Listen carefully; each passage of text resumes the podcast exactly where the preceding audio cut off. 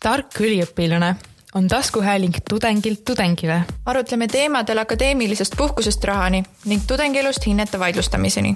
seda kõike selleks, et sina saaksid olla kõige targem üliõpilane. ausalt. otse. ning kartmatult. nii, tere äh,. täna on meil teine episood äh, Eesti Üliõpilaskondade Liidu taskuhäälingust Tark üliõpilane. Tänase episoodi fookuses on teema üliõpilane ja raha. saates on meil täna kaks tükki, mina olen Allan Aksiim, Eesti Üliõpilaskonnade Liidu avaliku poliitika nõunik ja minu vastas on jah, tere, mina olen Sten Närm. õpin Tallinna Tehnikaülikoolis, olen seal üliõpilasesinduse juhatuse esimees ning minu erialaks on informaatika bakalaureuse aste. Pole seda veel kätte saanud, aga varsti tuleb varsti tuleb. Äh, ja ma unustasin ka mainida, et äh, ka mina olen ülikoolis studeerinud, enam üliõpilane ei ole. olen omandanud äh, rakenduskõrgharidus kraadi kunagi keskkonnakorralduses ja planeerimises ja siis tudeerinud veel igasugu muid asju enese üldiseks arenguks aga jah, tänase episoodi fookuses on meil üldiselt neli võimalust, kuidas üks üliõpilane võib endale raha taskusse saada, õppelaen vajaduspõhine õppetoetus, stipendium ning tööl käimine. äkki Sten, sa võiksid korra rääkida, mis on sinu kogemus õppelaenuga? õppelaenuga, oi, üldiselt ma ütleks, et äh, üliõpilase rahastamine ja üldse raha on minule väga-väga tähtsad ja vahvad teemad. ükskord ka kõnes ütlesin, et raha, see on üliõpilase parim sõber. aga õppelaenud on hetkel sihuke huvitav teema, et ma olen rääkinud mitmete nii tavaliste üliõpilastega kui aktivistidega ja ma olen tähele pannud, et nagu viimase viie, kuue, seitsme aasta jooksul pole nagu üldse õppelaenusid võetud. et see tundub nagu olevat selline mineviku teema sellest ajast, kui, kui oli veel tasuline kõrgharidus. aga praegu, kui on tasuta kõrgharidus, siis ei taha keegi nagu üldse laenu võtta endale ja see on üsna sihuke nagu äh, mitte väga atraktiivne äh, hetkel, et seal on fikseeritud viis protsenti intressi, päris ikkagi korralik. samas ta on äh, sellest inflatsioonist väiksem intress mm. sedagi küll, aga jah, igas, igastahes õnneks see süsteem on muutumas, sellest me räägime ka täpsemalt üks järgmine episood. aga lihtsalt võib-olla ka teadmiseks kuulajale, et see, see maksimumsumma on semestris kaks tuhat viissada eurot, seda võib ka rahulikult guugeldada, iga panga, suurema panga nagu kodulehel sellega leiab leiab. aga jah, see on natukene ajale jalgu jäänud. Mhm, ma mõtlen eriti, kui äh, see kaks tuhat viissada eurot peab siis ära jagunema ühe semestri peale, kus on viis kuud õppimist, on umbes viissada mm -hmm. eurot semest-, viissada eurot ühe kuu peale. ma mõtlen praegu enda igapäevakulutuste peale ja, ja mina selle, selle summaga hakkama ei saaks, et ses suhtes on nagu tõesti huvitav, et nagu suhteliselt väike summa, fikseeritud intress, et vaatame, kuhu see õppelaenu teema tulevikus läheb, hetkel see tõesti tudengite väga atraktiivne ei tundu olevat jep, ja see mingi hetk viibki meie neljanda teemani, et Eesti üliõpilaskonna suur õppe või nagu õppe kõrvalt suur töökoormus.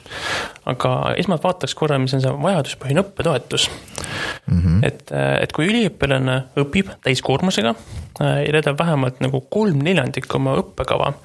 Ja kui, kusjuures kõige esimesel semestril, kui ta seda taotleb, siis on piisav ainult, et ta lihtsalt täiskoormuse nagu õpib.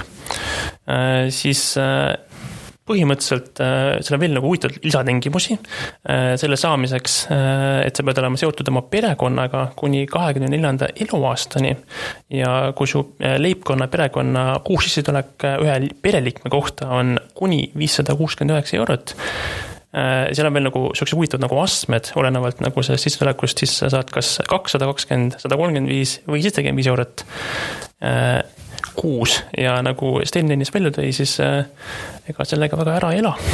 no tegelikult vaidluspioneeritoetus ongi just äh, selline äh, huvitav nagu stipendiumilaadne variant finantsi saamiseks, et see ongi tõesti juhul, kui sul perekonnal on äh, päris äh, halb olukord ja tõesti perekonna poolt ei saa olla sellist toetust. aga noh, tänapäeval fakt on see, et kui äh, ühe perekonna kohta on sissetulek alla kuuesaja euro, siis tegelikult on nii-öelda iga aastaga läheb see olukord üha hullemaks, nagu mhm. praegust inflatsiooni ka vaadates.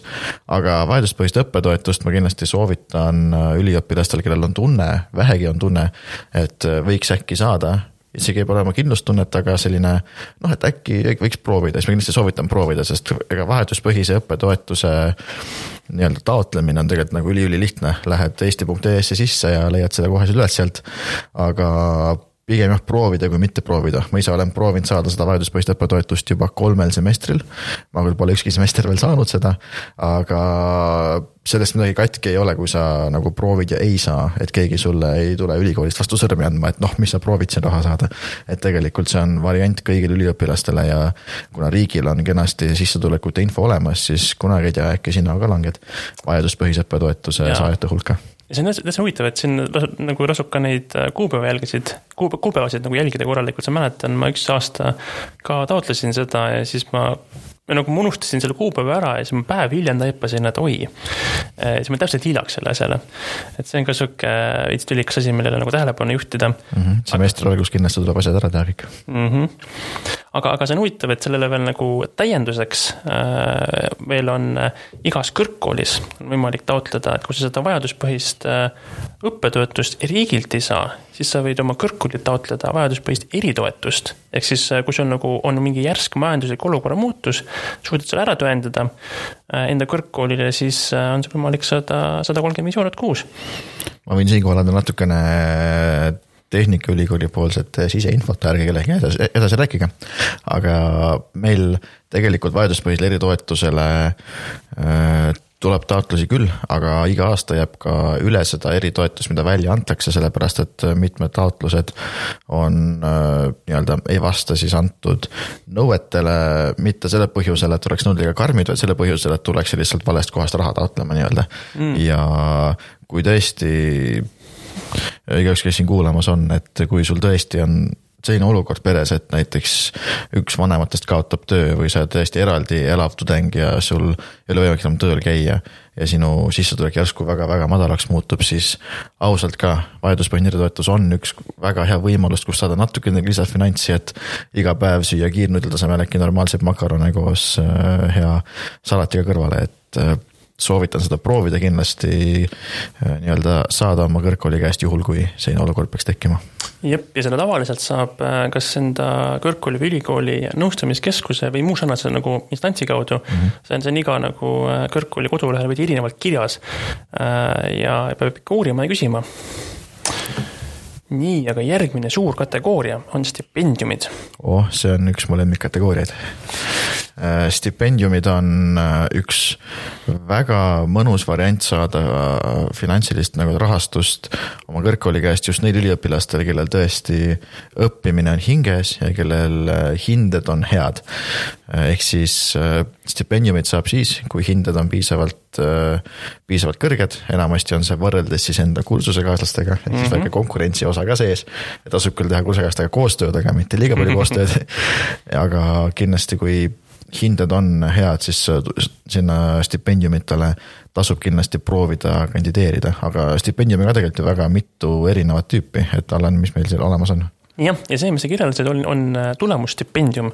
see on sada eurot kuus ja, ja see ongi just õppetulemuste eest. ja, ja seal on natuke see huvitav aspekt, et, äh, et äh, kuna, kuna see nagu noh, õppevaldkonniti jaotub, siis sa konkureerid oma nagu noh, kursakaaslastega ja, ja nagu teiste inimestega, kes nagu samas õppekaval õpivad mm.. ehk siis see on natukene nagu ka see keeruline olukord, et kui seal on väga palju inimesi seal, kes õpivad ka väga hästi, siis see, see tulemus tulemus, mida sa pead saavutama, on päris, päris kõrge.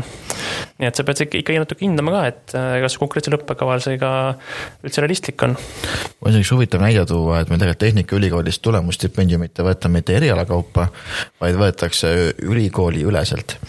ja ongi selline olukord, kus äh, kõikide teaduskondade üliõpilased pannakse kõik ühte patta Aha. ja sealt vaadatakse need parimate hinnetega inimesed välja, aga nagu iga ülikooli üliõpilane ka teab, siis tegelikult on erinevatel õppekavadel ju erinev raskusaste mm -hmm. Ülikoolis. ehk siis oletame, et äh, rakendusfüüsika üliõpilased, kes panevad äh, kümneid tunde sisse selleks, et saada oma kolmed kätte, äh, lähevad samale nii-öelda hindamiskriteeriumile mõne teise erialaüliõpilastega, kes teevad näiteks slideshow sid enamasti või äh, nii-öelda teevad grupitöid, siis äh, on vahel raske sellistel tehnilistematel erialadel meie ülikoolis vähemalt äh, tulemusstipendiumit saada.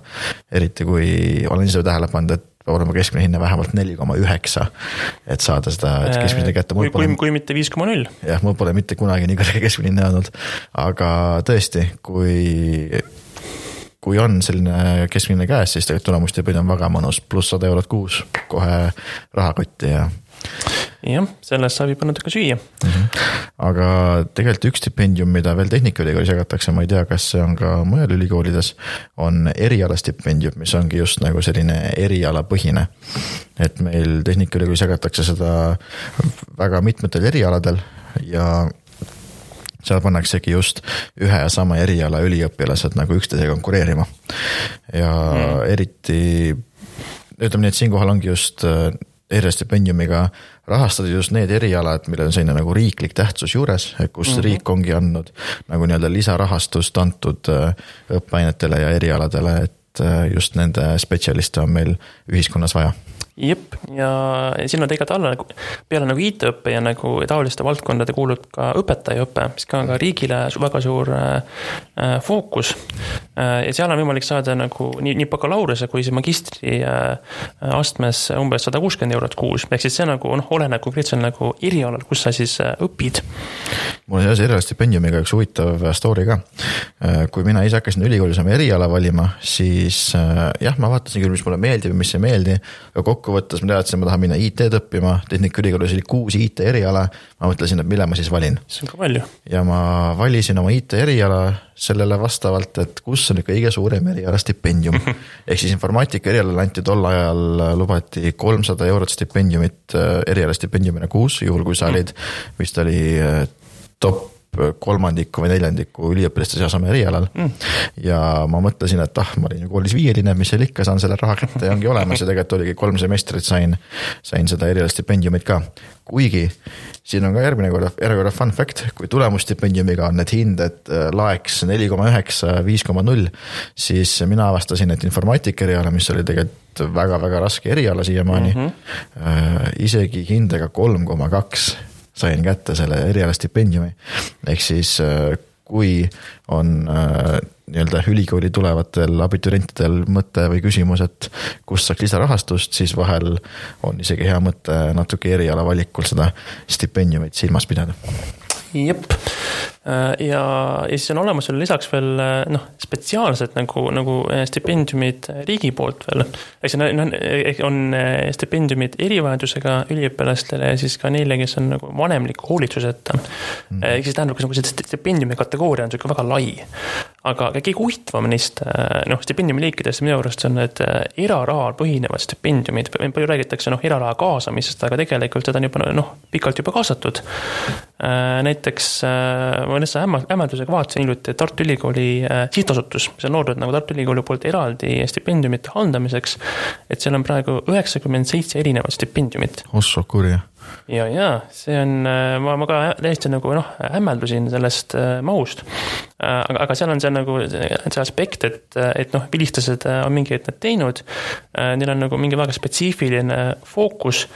nagu näiteks siin, nagu ma vaatasin, et Eduard ja Eero Raigi stipendiumi, mille eesmärk on Tartu Ülikoolis õigus- ja majandusteadust õppivate Eesti päritolu üliõpilaste toetamine. et seal on noh, kaks tuhande viiesaja euro stipendiumit.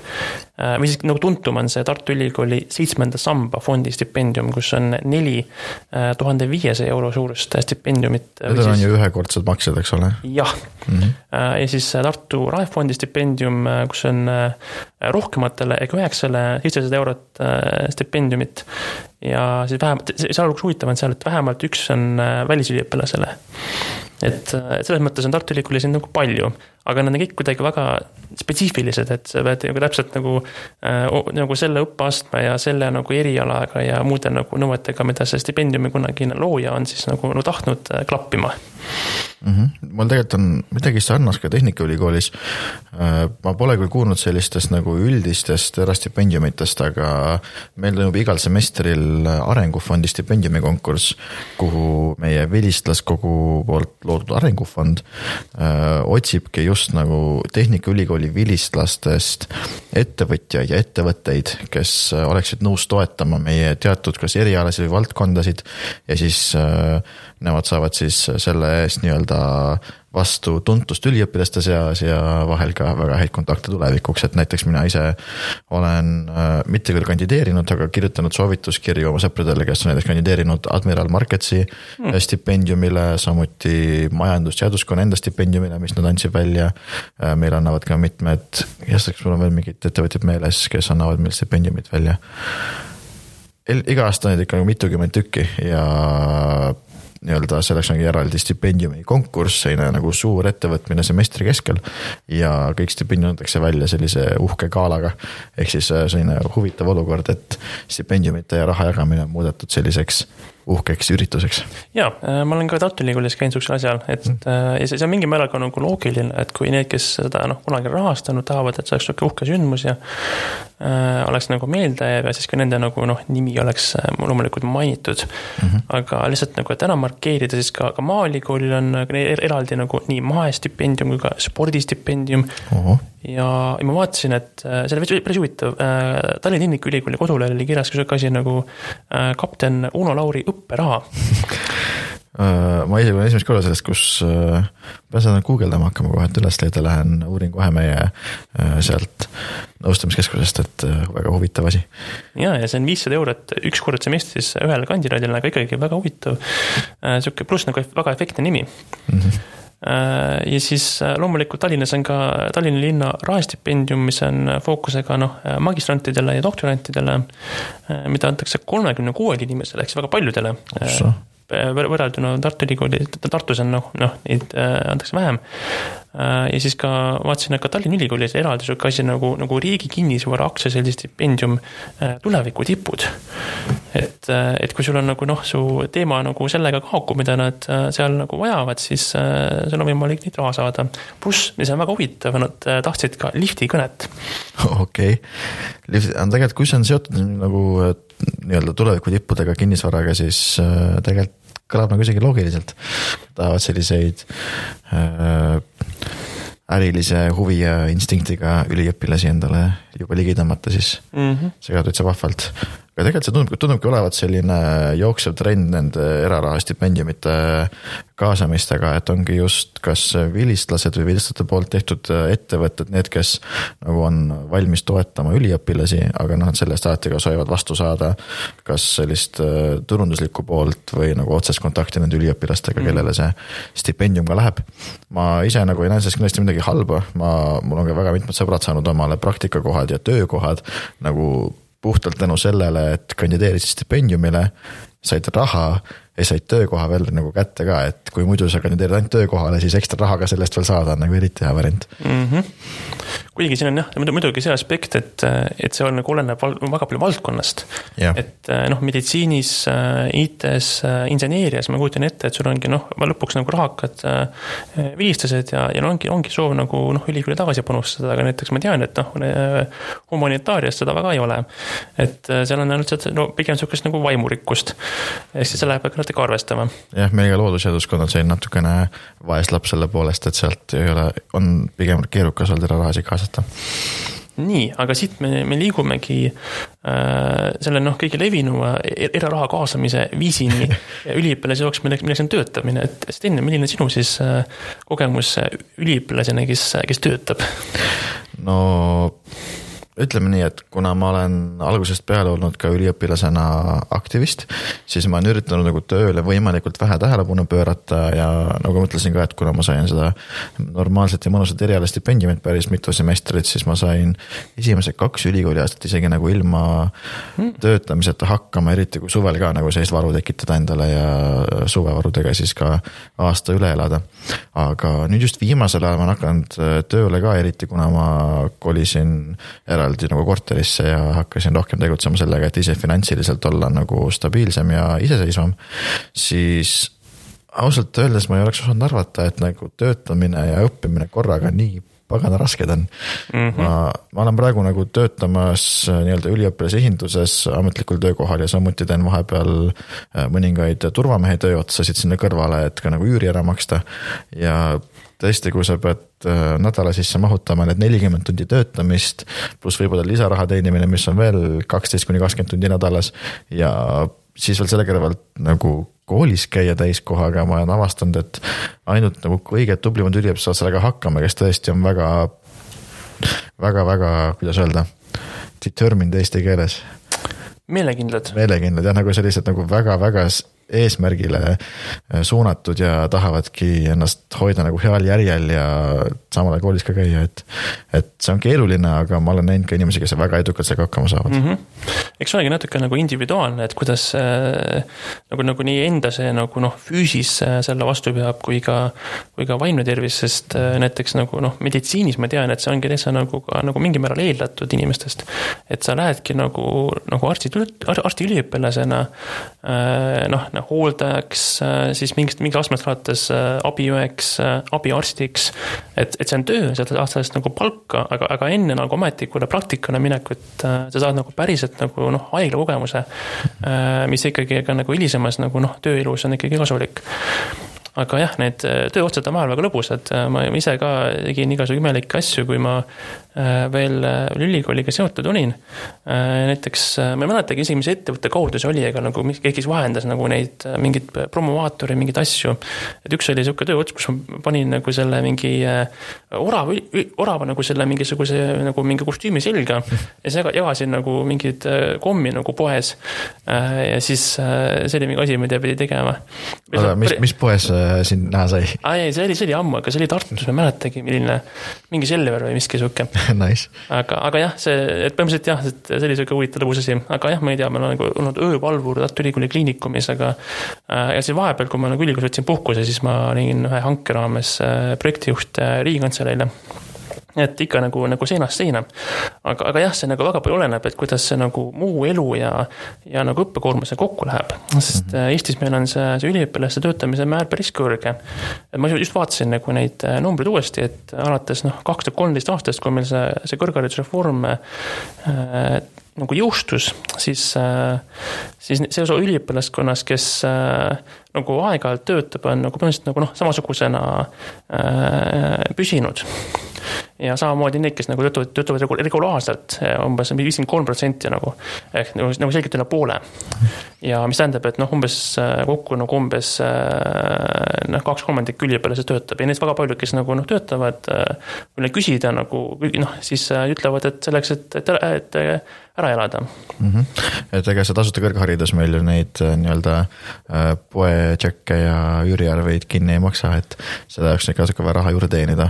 aga ma näengi siin nagu ülikooli kõrval töötamises just nagu kahte erinevat poolt, üks pool on see pool, et ma käin tööl selleks, et nagu tõesti raha teenida, ära elada, aga teine pool on see, et ma lähen tööle selleks, et juba saada oma erialaseid kogemusi mm -hmm. ja samal ajal siis nagu erialast praktikat teha nii töö juures kui ka ülikoolis ja ma olen seal ka väga palju edu edukaid nagu üliõpilasi näinud just sellisel moel, kes lähevadki juba näiteks teisel või kolmandal aastal erialasele tööle aga jätkavad samal ajal kas baka või lausa magistrikraadi lõpuni õppimist. ja nad tegelikult saavad töö juures nii palju väärtuslikke kogemusi, et nad järsku nagu tõusevad oma teadmistega kaasüliõpilastest peaaegu kõrgemale mm.. mul oli hea näide, kui ma tulin kolmandal aastal nagu suvest tagasi ülikooli ja mul kursakad kõik läksid tööle, IT nagu tööle suvel. ja kui meil tekkis grupiprojekt sügisel, siis mul sihuke tunne, nagu ma oleks järsku nagu aasta aega vähem asju õppinud IT-s, kui nemad olid, sest läksid mingit sellist äh, tehnilist juttu, et ma olin nagu, et et kas ma jätsin mingi aine vahele või mis siin toimumas on. aga tõesti, see erialane praktika annab nagu väga-väga palju juurde.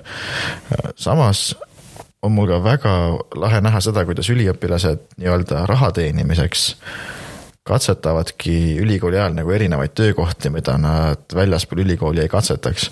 mul on sihuke tunne, et nii-öelda mitmed mu sõbrad on läinud äh, teatud positsioone vastu võtma just sellepärast, et ära katsetada, äkki ma tahangi proovida, mis tunne on olla baarmen. ma tahan proovida, mis tunne on töötada näiteks äh, Prismas. tahaks näha, et mis tunne on olla kusagil äh, nii-öelda riietepoes moekonsultant, eks ole.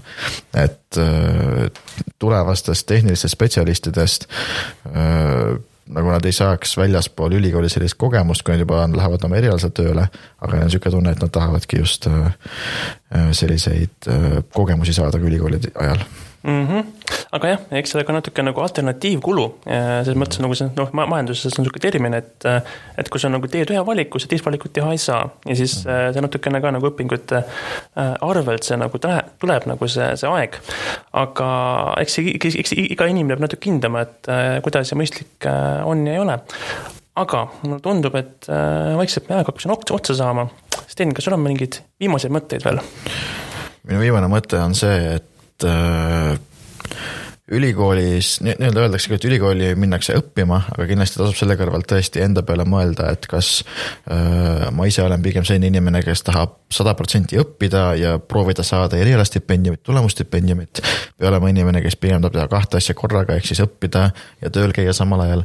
et nagu selle põhjal tõesti teha enda valikud ja ükski vastus ei ole nagu õige ega vale, et iga tudeng peabki leidma enda jaoks just õige tee just, ja sellise ilusa mõttega me siis täna lõpetamegi. aitäh kuulamast! Ja see oli Eesti Üliõpilaskondade Liidu taskuhääling Tark üliõpilane